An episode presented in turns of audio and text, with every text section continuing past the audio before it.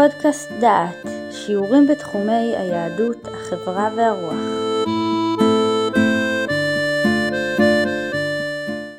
שלום לכם, אנחנו נקדיש את השיעור שלנו היום לטובת אה, עיסוק באיסור ספיחין. כידוע, כתוב בתורה, את ספיח קצירך לא תקצור, ואת ענבי נזירך לא תקצור, שנת שבתון יהיה לארץ. ולכאורה על פי ההבנה הפשוטה, היה מקום לומר שאולי איסור קצירה ואיסור בצירה שכתובים בפסוק הם איסורים טוטאליים, כמו שכתוב גם שדך לא תזרע וחלמך לא תזמור, ואסור לזרוע לגמרי בשביעית, ואסור לזמור לגמרי בשביעית, אז אולי גם אסור לקצור ולבצור לגמרי בשביעית. אלא שהאופציה הזאת היא בלתי אפשרית כידוע, בגלל אה, שהתורה גם אומרת, והייתה שבת, שנה, והייתה שבת הארץ לכם לאוכלה. ממילא ברור שיש אפשרות לאכול בשנה השביעית. אם כך, חייבים אנחנו לפרש את מה שנאמר בתורה, את ספיח קצירך לא תקצור, בצורה שונה ממה שאפשר להבין בצורה רגילה, ולכן המשמעות שלהם ניתנת לפרש על פי מה שפרשו חז"ל בתורת כהנים, כך, בעת נזירך לא תקצור, מן השמור בארץ אין אתה בוצר, אבל אתה בוצר מן ההפקר. לא תבצור כדרך הבוצרים. וכולי. מכאן אמרו, תאנים של שביעית, אין קוצין אותן במוקצה וכולי, ויש תיאור רחב של הדברים האלה. כך גם אה, יש במשנה במסכת שביעית, פרק ח', תאנים של שביעית, אין קוצין אותן במוקצה. ובעצם בסיכום הדברים, כפי שהם מופיעים בלשונו של הרמב"ם בהלכות שמיטה ויובל, בפרק ד', הלכה כ"ב, כותב הרמב"ם, הפירות שיוציא האילן בשביעית לא יאספם כדרך שאוסף בכל שנה, שנאמר, ואת ענבי נזירך לא תיצור. ואם בצר לעבודת האילן, או שבצר כדרך הבוצרים, לא כן. אם כן, לדעת הרמב"ם יש שתי בצירות שהן אסורות. בצירה אחת לעבודת האילן, זאת אומרת לצורך אה, עבודת האילן, לצורך האילן עצמו, זה ודאי שהוא בצירה שהיא אסורה. כי בצירה שמותרת היא רק בצירה לאכילה, אבל גם בצירה לאכילה צריכה להתבצע בצורה של לא בצירה כדרך הבוצרים, כדי שלא תיראה כעבודת שדה, אלא שכל מגמתה וכל מקומה הוא בצירה לאכילת פירות. וכיצד? ממשיך הרמב"ם כותב שם בהלכה כ"ג, כיצד עושה? תאנים של שביעית אין קוצין אותן במוקצה, אבל מייבשן בחרבה, ולא ידרוך ענבים בגת, אבל דורך הוא בעריבה, ולא יעשה זיתים בבית הבד, אבל כותב שהוא מכניס לתוך בד קטן ביותר, וטוחן בבית הבד ובקוטב, ומכניס לבד קטנה. וכן בשאר דברים. כל שיכול לשנות, משנה.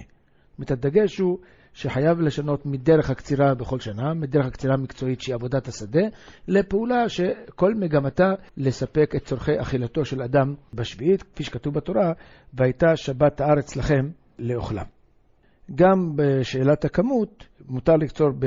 שביעית רק כמויות קטנות. מהן הכמויות שאותן מותר? אז יש פה דעות שונות. העיקר להלכה והכי פשוט הוא שיש לשנות כמובן, כמו שאמרנו, באופן הקצירה, בשינוי, כל שיכול לשנות משנה כדברי הרמב"ם, וגם בשאלת הכמויות, שאדם צריך לקצור או ללקוט, לקטוף, כמויות שאדם זקוק להן לתשמיש עבור בני ביתו לכמות אה, קטנה של ימים לכמה ימים, וזהו. זה פחות או יותר מה שיש לנו בנוגע לאיסור קצירה ובצירה שכתוב בתורה. כל זה נוגע למה שמותר, כאמור, לקצור או לבצור. אלא שבכל זאת, לשון הפסוק שכתוב בתורה, את ספיח קצירך לא תקצור, משתמע שיכול להיות שיש איזה איסור ספיחים. מה הם ספיחים? יש דעות מסוימות שאני רוצה, לפני שניגש לדבר על גדר איסור ספיחים, נוסיף עוד רק יסוד אחד. התורה מתארת בפרשת אה, בהר את האנשים שיבואו אחר כך ויאמרו מה נאכל בשנה השביעית, אין לו נזרע ולא נאסוף את תבואתנו, שגם מכאן משתמע לכאורה שיש איזה איסור גמור של איסוף התבואה. אבל לכאורה, לפי מה שראינו, כל איסור איסוף התבואה הוא רק כדרך הבוצרים, כדרך הקוצרים, אבל אם לא עושים את זה כדרך הקוצרים והבוצרים, לכאורה זה צריך להיות מותר. ואומנם בדבר הזה נחלקו תנאים בעניין של האיסור הזה של איסוף התבואה, וכאן תנאים חלוקים, רבי עקיבא וחכמים, כפי שהמחלוקת הזאת מובאת גם הברייתא בתורת כהנים וגם בסוגיה בפסחים בדף נ"א עמוד ב', מופיע שם רק דעת רבי עקיבא, אבל בברייתא בתורת כהנים מופיעות אה, שתי הדעות, ואני אצטט מתוך הברייתא בתורת כהנים. שם כתוב על הפסוק, וכי תאמרו מה נאכל בשנה השמינית, וכי תאמרו, עתידים אתם לומר מה נאכל בשנה השמינית, הן לא נזרב לא נאסוף את תבואתנו. אם אין זורעים, מה אנו אוספים? אמר רבי עקיבא, מכאן סמכו, סמכו חכמים על הספיחים שיהיו אסורים בשביעית. והחכמים אומרים, אין ספיחים אסורים מדברי תורה, אלא מדברי סופרים. מתוך דברי החכמים עצמם, אנחנו למדים שכשרבי עקיבא אמר מכאן סמכו החכמים, הכוונה, כאן מצאו חכמים מקור בפסוקים לדין הזה שספיחים אסורים בשביעית. אם כן, לפי חכמים שספיחים אינם אסורים בדברי תורה, אז אה, שואלת הברייתא בתור הכהנים, למה נאמר הן לא נזרע ולא נאסוף? אמרת לנו לא תזרעו, ומה שאנו אוספים אין מכניסים לקיום. אמרת לנו ברור, ומה אנו אוכלים מן הביאור ואילך? זאת אומרת, לדעת חכמים, השאלה מה הן לא נזרע ולא נאסוף את תבואתנו, מה נאכל, אז הכוונה למה נאכל משעת הביאור ואילך, אבל לא לגבי עצם הפירות האלה. לח... לרבי עקיבא, הבעיה היא בעצם האכילה של הספיחים עצמם, שלדעתו גם דברים שגדלו מעליהם בשנת השמיטה, אסור לאכול אותם מדאורייתא, הן לא נזב לא נאסוף את תבואתנו, גם לא זורעים וגם לא אוספים את התבואה שצמחה מאליה מדאורייתא לדעת רבי עקיבא. זה פחות או יותר לדעת רבי עקיבא, כשלדעת חכמים איסור ספיחים הוא לא מדאורייתא אלא מדרבנן. הסיבה שחכמים אסרו את הספיחים מחשש שמא האדם יזרע בשביעית ויגיד שזה נזרע מאליו. אם כן, לפי התפיסה הזאת של חכמים, איסור ספיחין מדרבנן, ולדעת רבי עקיבא, איסור ספיחין הוא אה, מן התורה. יוצא אם כן, שמבחינה מעשית יש איסור לאכול אה, ספיחי שביעית, הן אליבא דרבי עקיבא, הן אליבא דחכמים, לפחות אה, לחכמים, לפחות מדרבנן.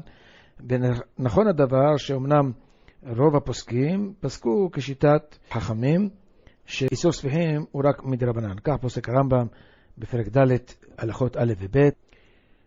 כל שתוציא הארץ בשנה שביעית, בין מן הזרע שנפל בה מקודם שביעית, בין מן העיקרים שנקצרו מקודם וחזרו ועשו, ושניהם נקראו ספיח. בין מן העשבים והירקות שעלו מלאיהן, ואין להם זרע, הכל מותר לאכלו מן התורה, שנאמר, והייתה שבת הארץ לכם לאוכלה. בזה שנאמר, את ספיח קצירך לא תקצור, שלא יקצור כדרך כל שקוצר בכל שנה. ואם קצר כדרך הקוצרין, לוקה. כגון שקצר כל השדה, והעמיד קרי, ודש בבקר, או, שקדר, או שקצר לעבודת הארץ, כמו שביארנו. אלא קוצר מעט מעט, וחובט ואוכל. ומדברי סופרים, שיהיו כל הספיחין אסורים באכילה. ולמה גזרו עליהם? מפני עובר עבירה. שלא ילך ויזרע תבואה וקטניות וזרעוני גינה בתוך שדהו בסתר, וכשיצמח יאכל מהם ויאמר ספיחים הם. לפיכך אסרו כל הספיחים הצומחים, הצומחים בשביעית.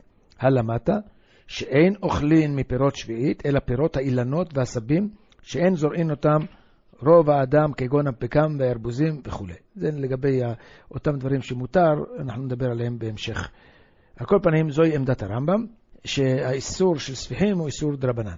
אבל הדבר הזה נתקל בבעיה, שהרי מצאנו בכמה מקומות שיש ירקות שמותר לאכול אותם בשביעית, והמשניות בשביעית מדברות על האומר לפועל לקט לי ירק היום ועוד. זאת אומרת שיש דברים שמותר ללקט אותם ולאכול אותם בשביעית. ובדבר הזה באמת נחלקו הראשונים. הרמב"ם אומר בפירוש שכל ירק שנלקט בשביעית אסור באיסור ספיחים, ואפילו אם הוא גדל אה, בשנה, כך הוא פוסק בפירוש בהלכה י"ב של פרק ד', הירק בשעת לכיתתו, זאת אומרת הירק הולכים בו אחרי שעת הלכיתה, והאתרוג אפילו היה כפול קודם ראש השנה, ונעשה ככיכר בשביעית, חייב במעשרות כפירות שישית, ואפילו היה ככיכר בשישית, הואיל ונלכד בשביעית, הרי הוא כפירות שביעית. זאת אומרת, אה, כשהרמב"ם מדבר על כל איסורי ספיחים, באתרוג זה לא קשור לאיסור ספיחים אמנם, אבל הוא מדבר שם בפירוש אחרי מה הולכים, מה קובע לעניין איסור ספיחים, אז הוא אומר פירוש של ירק הולכים בו אחרי שעת לכיתה, ומשמע שאם נלכד בשביעית, אסור באיסור ספיחים לגמרי. ואם כן, איך הרמב"ם יסביר את העניין הזה של, של לקיטת ירקות לאכילה. הרש, בפירוש המשנה, בשביעית, פרק ט', משנה א', שם הוא באמת קובע שירקות שהתחילו לגדול בשישית, אז אין בהם איסור ספיחים. מה זה בדיוק ירקות שהתחילו לגדול בשישית, עוד נדבר בהמשך בעניין הזה. אבל כרגע, לכאורה זוהי עמדת תר"ש, שירקות שהתחילו לגדול בשישית, לא שייך בהם איסור ספיחים. הרמב"ם סובר שגם ירקות שנלקטו בשביעית, אפילו אם גדלו בשישית, גם הם אסורים באיסור ספיחים, אז איך הוא יסביר את המשנה? כאן החזון איש אומר בדעתו שגם הרמב"ם מודה שאם כל הירק נגמר בשישית וכל מה שנשאר לשביעית זה רק ללקוט אותו בשביעית, יכול להיות שלא שייך בו איסור ספיחים. תירוץ אחד, יש מקום לתרץ גם אה, בדרכים אחרות, אולי שהרמב"ם אה, מדבר על לקוט לירק בשביעית, מדובר על סוג ירקות כאלה שאין דרך בני אדם לזרוע אותם, שעליהם אין איסור ספיחים, או באותן סיטואציות שלא שייך בהם איסור ספיחים, שעל זה מדובר אה, באותן משניות. על כל פנים, במחלוקת הזאת שבין הרמב"ם לבין הרש, אומנם האחרונים דנו בה רבות, מבחינת השורה התחתונה, יש לנו הלכה ברורה שרוב ככל הפוסקים מכריעים להקל כשיטת הרש, שירקות שהתחילו לגדול בשישית, לא שייך בהם איסור ספיחים. לעצם הדיון. אה, בשאלה הזאת, דן בזה באריכות בספר אה, מנחת שלמה בסימנים מ"ט וסימן נ', הוא דן בהרחבה גדולה בעניין שיטת הרש, איסור ספיחים בירקות שהתחילו, נזרעו בשישית, האם שייך בהם איסור ספיחים, ועמדתו של רב שלמה זוהן אורבך בספרו היא שכל מה שהתיר הרש זה רק אותם ירקות שהתחילו לצמוח בשישית, אבל לא מספיקה נביטה לדעתו בשישית, שהייתה נביטה בשישית, אלא שצריך גם שיגיעו לעונת המעשרות, לפני השנה השביעית. דהיינו, שזה בירקות שאוכלים אותם עלים, אז מספיק שיתחילו לצאת עלים בשנה השישית. אבל בירקות שמוציאים פירות צריך שיצא תחילת הפרי בשנה השישית. לא מספיקה נביטה. זו דעתו של שלמה זמן אוירבך בעניין זה. הרב אה, שלמה זמן אוירבך מדייק את הדברים מדברי הרמב"ן בפירושו לתורה בספר ויקרא פרק כ"ה על הפסוק הצפיח קצירך לא תקצור. כותב הרמב"ן והספיחים האלו האסורים הם הגדלים בזמן האסור. בתבואה כל שהביאה שליש בשביעית. וכן הירקות כל שצמחו בשביעית אסורים מן התורה על דברי רבי עקיבא, ולדברי חכמים אסורים מדברי סופרים. אבל הירקות שצמחו בשישית ונלקטו בשביעית, יש בהן משום קדושת שביעית לכל דיניה להפסד ולקורבנות ולסחורה ולביאור, ואף על פי שגדלו לגמרי בשישית, מפני שאנו הולכים אחר לכיתה בירק, בין למעשר בין לשביעית. אבל אין בהם משום ספיחים, שאינם ספיחי שביעית, שהרי בשישית צמחו, ואפילו הוסיפו בשביעית, אין בהם דין ספיחים. הרי שלדברי הרמב"ן צריך שיצמחו בשישית, ואז אם הוסיפו בשביעית אין בהם דין ספיחים. אבל אי אפשר לומר על זה שאם הייתה רק נביטה בשישית, שזה מספיק. מוסיף הרמב"ן וכותב, ובהם שנינו לגבי אלה שצמחו בשישית, האומר לפועל, הילך איסר זהו לקוט לי ירק היום, וכן שנינו לא יהיה לוקט ירקות שבא ומוכר בשוק, אבל לוקט הוא ובנו מוכר על ידו, וכולי וכולי. אז אם כן, אומר הרמב"ן שיש דברים כאלה שבהם שמותרים מצד איסור ספיחים, אף על פי שיש בהם קדושת שביעית, וזה דווקא כאלה שצמחו בשישית ולא מספיק, אה, לא מספיקה נביטה. זאת סברתו של רב שלמה זמן אוירבך. החזון איש טען שמספיקה נביטה, דהיינו מספיק שזורעים אותו שלושה ימים אה, לפני ראש השנה של השביעית, אז הייתה נביטה בשנה השישית, זה מספיק בשביל שלא יהיה בזה איסור ספיחים. ספרו של הרב אורבך, מנחת שלמה, בסימן מ', הוא מביא דברים שכתב לו הרב אהרונסון בספרו ישועת משה, וגם הרב כהנא, קלמן כהנא, טענתם היא כזו. הם כותבים לו על מה שהוא דרש שיהיה גידול של הפירות בשנה השישית ולא מספיק נביטה, אז הם כותבים לו כך, לעניות דעתי נראה שכבוד תורתו צודק בהחלט רק לפי דברי רבי עקיבא, שדסבירה לספיחין דאורייתא. אבל לרבנן דלית לו איסור ספיחים מן התורה, ולכמה שיטות מן הראשונים אפילו מדרבנן לא אסרו, אם כן אפילו לאוסרים מדרבנן, אין זה משום לטה דאורייתא, אלא גזרה נפרדת שאין לה שייכות להד רבי עקיבא. וכל עיקרה של גזרה זו הייתה מפני עובר העבירה, שלא ילך ויזרע תבואה וקטניות וזרוע נגינה בתוך שדה ובסתר, וכשיצמחו יאכל מהם ויאמר ספיחים מהם. ולכן, סוברים הרש, הרמב"ן והראש, שכיוון שהגזרה לא כללית, אז לכן גוזרים רק במקום שיש לחשוש לטעם גזרתם. ואם כן, כשצמחו בשישית, אין לחשוד בעובר עבירה, שהרי ראו אצלו נביטה בשישית, ולכן לא אסרו חז"ל. זאת אומרת, מה שהם טוענים כנגדו, שאם איסור ספיחין היה איסור דאורייתא, אז אני מבין שיש מקום לחלק בין אם הגיעו לעונת המסרות, אם גדל הפרי או לא גדל הפרי בשישית. אבל אם אני אומר שאיסור ספיחין הוא רק מדברנן גזירה משום עוברי עבירה, אז צריך לבחון מתי יש חשש של עוברי עבירה, והחשש של עוברי עבירה זה רק אם בכלל לא הייתה נביטה בשישית, אבל אם הייתה נביטה בשישית והיא נראית לעין כל, בזה אין אה, יותר לחוש. הרב אוירבך בתשובתו כותב להם מצד הסברה היה אפשר שפיר לומר כדבריו, דבחיי גבנה שרק צמחו מעט בשישית, ט"ו לא שייך לגזור משום אמרי עבירה. אולם מדברי הרמב"ן בחומש, כמעט שמפורש נשמע משם, דמחלק גם לדידן בין תבואה לירק. ויותר מפורש הוא בראש פרק ט' משנה א', שכדי לחלק בין תבואה לירקות, בין לרבי עקיבא ובין לרבנן. זאת אומרת שבתבואה צריכים הבאת שליש בשנה השישית וכולי. ואף גם מדברי הרש יותר נראה כדברינו. הוא אומר רק מדברי התוספות פסחים היה אפשר לפרש כמו שאתם אומרים, ועל כל פנים החזון איש ודאי לא סובר כן אשר על ידי המצליח בתבואה הבאת שליש, וגם בעונייה לא מצאתי אף אחד מהאחרונים שמקל גם בתבואה שלא הביאה שליש, בשישית, מכוח דברי הרש והרמב"ן. זאת אומרת, בתבואה הרי כל מודים שלא מספיקה נביטה, צריכים הבאת שליש, כך מוכח מכמה מקומות, לכן הוא טוען, יש מצד עיקר הדין, היה צריך לדרוש גם שיגיעו לעונת המסרות. אמנם אה, למעשה, כמו שכבר הבאנו קודם, גם אה, שלמה זלמן אוירבך מורה להקל, כמו שיטת החזון איש, שאם הייתה נביטה מועטת על פני הקרקע בשנה שישית, די בזה כדי להתיר את הספיחים האלה. עכשיו, לגבי תבואה בקטניות, כמו שהזכרנו כרגע, הכל מודים שהם צריכים להגיע לשליש גידולם בשנה השישית, ורק אז מותר לאכול אותם. זה, זה יש ראיות מוצקות לכיוון הזה.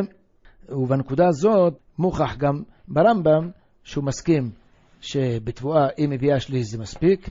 כך כותב הרמב"ם, התבואה והקטניות בפרק ד' הלכה י'. הרמב"ם פוסק, התבואה והקטניות אסורים באכילה משום ספיחים, ופירות האילן אוכלים אותן בקדושת שביעית. כותב אה, הרמב"ם שם בהלכה ט', באחד בתשרי ראש שנה לשמיטים, פירות שישית שנכנסו לשביעית, אם היו תבואה או קטניות או פירות האילן, והגיעו לעונת המעשרות קודם ראש שנה, הרי אלו מותרים. זאת אומרת, זה בפירוש, אף על פי שאוסר אותם בשביעית, הרי הן כפירות שישית לכל דבר. אז הוא אומר פירוש לגבי תבואה וקטניות, הוא אומר שהן מותרים כפירות שישית לכל דבר, אם הם אה, הגיעו לעונת המעשרות לפני כן. רק בירק שהולכים בו בתא לכיתה, אז גם לגבי איסור ספחים, הלכיתה קובעת לגביו לשיטת הרמב"ם. ולגבי תבואה וקטניות, הוא סבור גם כן שזה הולך אחרי הבאת שליש. למעשה, כאמור, אנחנו פוסקים שתבואה וקטניות בהבאת שליש. לגבי ירקות, ברגע שהייתה נביטה כלשהי, אז אה, זה מותר. ולכן כל, בעצם כל לוחות הזמנים והמועדים של אה, איסור ספיחים במיני הירקות למיניהם אה, והתבואה, הם בעצם ערוכים על פי שיטת החזון איש הזאת. יש, כאמור, גם בירקות האלה, שאנחנו מתירים אותם, אם נלקטו בשביעית, צריך לזכור תמיד שיש בהם גם קדושת שביעית, ולגבי קדושת שביעית נקדיש במצא השם את השיעור הבא, לראות מה אותם פרטים שדורשת קדושת שביעית לנהוג אה, בפירות ובירקות, מה מותר לעשות באותם פירות או ירקות שיש בהם קדושת שביעית. יש אה, לכל הדעות ירקות שעליהם לא חל איסור ספיחים. וזה כמה דברים מוסכמים, ואחר כך אה, דברים שהם אה, בעצם יש בהם איזשהו ויכוח. כמובן בפירות אין איסור ספיחים, כל איסור ספיחים הוא רק באותם דברים חד-שנתיים, כל הדבר, כל גידול שהוא רב-שנתי לא שייך בו איסור ספיחים, כי לא שייך שם העזרה וכולי, כי הוא גדל מאליו בעצם. זרעים שאין דרך רוב בני אדם לזרוע אותם, עליהם לא גזרו איסור שביעית, כך יוצא מן המשניות בשביעית, וכך פוסק הרמב"ם בפרק ד' הלכה ג', הלמדת שאין אוכלין מפירות שביעית, אלא פירות האילנות והעשבים, שאין זורעים אותם רוב האדם, כגון הפגם והירבוזים, השוטים וכל כיוצא בהם. אבל הירקות שדרך רוב בני אדם לזורעם בגינות ומיני תבואה וקטניות, כל הצומח מהן אסור מדבריהם. אבל אה, דברים שאין רגילות לזרוע אותם, לדעתו של הרמב"ם, כך נפסק להלכה, אין אה, בהם איסור ספיחים. זאת אומרת שכל הדברים שגדלים בצורה של בר בשדה ללא, לא זורעים אותם ואין דרך לזרוע אותם, כל אותם עלים, צמחי בר, אלה לכאורה אין בהם איסור ספיחים. הרמב"ם גם פוסק שם בהלכה ד' ספיחים העולים בשדה בור ובשדה ניר ובשדה חרם ובשדה זרע מותרים באכילה. ומפני מה לא גזרו עליהם? לפי שאין אדם זורע מקומות אלו. שדה בור אין אדם נפנה לשם, ושדה ניר רוצה ובתיקונה, ושדה כרם אינו אוסר כרמו, ושדה זרע הספיחים מפסידים אותה. וכן התבן של שביעית מותר בכל מקום ולא גזרו עליו. אם כן, אומר הרמב"ם, כל דבר שהוא נמצא במקום שאין דרך לזרוע אותו שם, אפילו אם הוא מין הוא מין שזורעים אותו, אבל אם זה מגדל בתוך סביבה שאין דרך לזרוע אותו שם, אז שדה בור, שדה ניר ושדה כרם ושדה זרע למשל, בכל המקומות האלה, שאין דרך לזרוע את הזרעים האלה באותם מקומות, בהם לא גזרו על איסור אה, ספיחים. על פי העיקרון הזה חידש החזון איש, אה, סימן כ"ב, אם אה, זורעים בשדה, אבל משנים את סדר הזריעה מן הסדר הרגיל, אז לא יהיה איסור ספיחים, כי אם לא רגילים לזרוע בזמן הזה, לפי סדר העונות הרגיל בשדה, את הגידול הזה, ואדם זורע את הגידול הזה, אז בזה אין איסור ספיחים, כי זה נחשב כאילו זרע בשדה בור.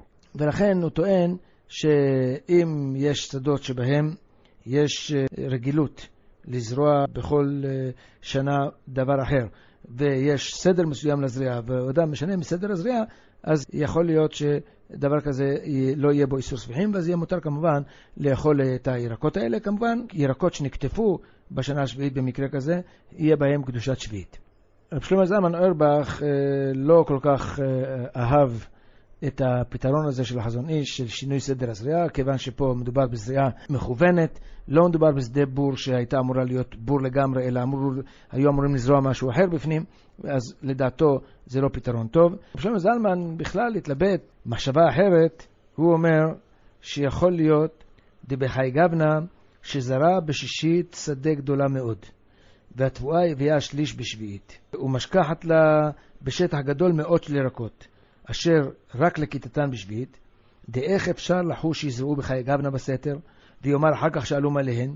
על כל פנים, מה שהוא אומר פה בעצם, הרעיון שהוא מציע, זה שאם זורעים בשדה פתוח וגדול, הרי כל הגזרה של ספיחים, כפי שכותב הרמב"ם, שמא יזרע בסתר.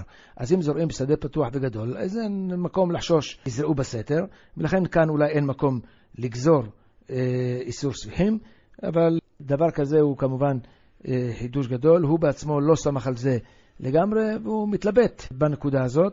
אם כמובן, אם נקבל את העיקרון הזה, אז אפשר לזרוע בשנה השישית אה, זרעים, שטחים גדולים אה, ועצומים, עם אפשרויות שתהיה להם נביטה בשלב מאוחר יותר, ואז כמובן לא יהיה בהם איסור ספיחים. טוב, זה פחות או יותר אותו רעיון שרב שלמה זלמן העלה.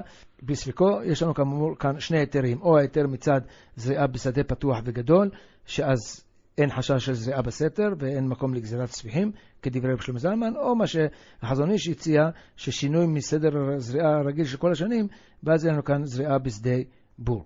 לגבי uh, זריעה שגוי זורע בשדה בארץ ישראל, כאן כל מודים שאין בהם איסור ספיחים, כך פוסק הרמב"ם בפרק ד' הלכה כ"ט, גוי שקנה קרקע בארץ ישראל וזרעה בשביעית, פירותיה מותרים, שלא גזרו על הספיחים אלא פני עוברי עבירה, והגויים אינם מצווים לשביעית כדי שנגזור עליהם. הרב קוק אה, מרחיב את ההיתר העקרוני הזה גם לירקות שגדלו בשדות של היתר המכירה.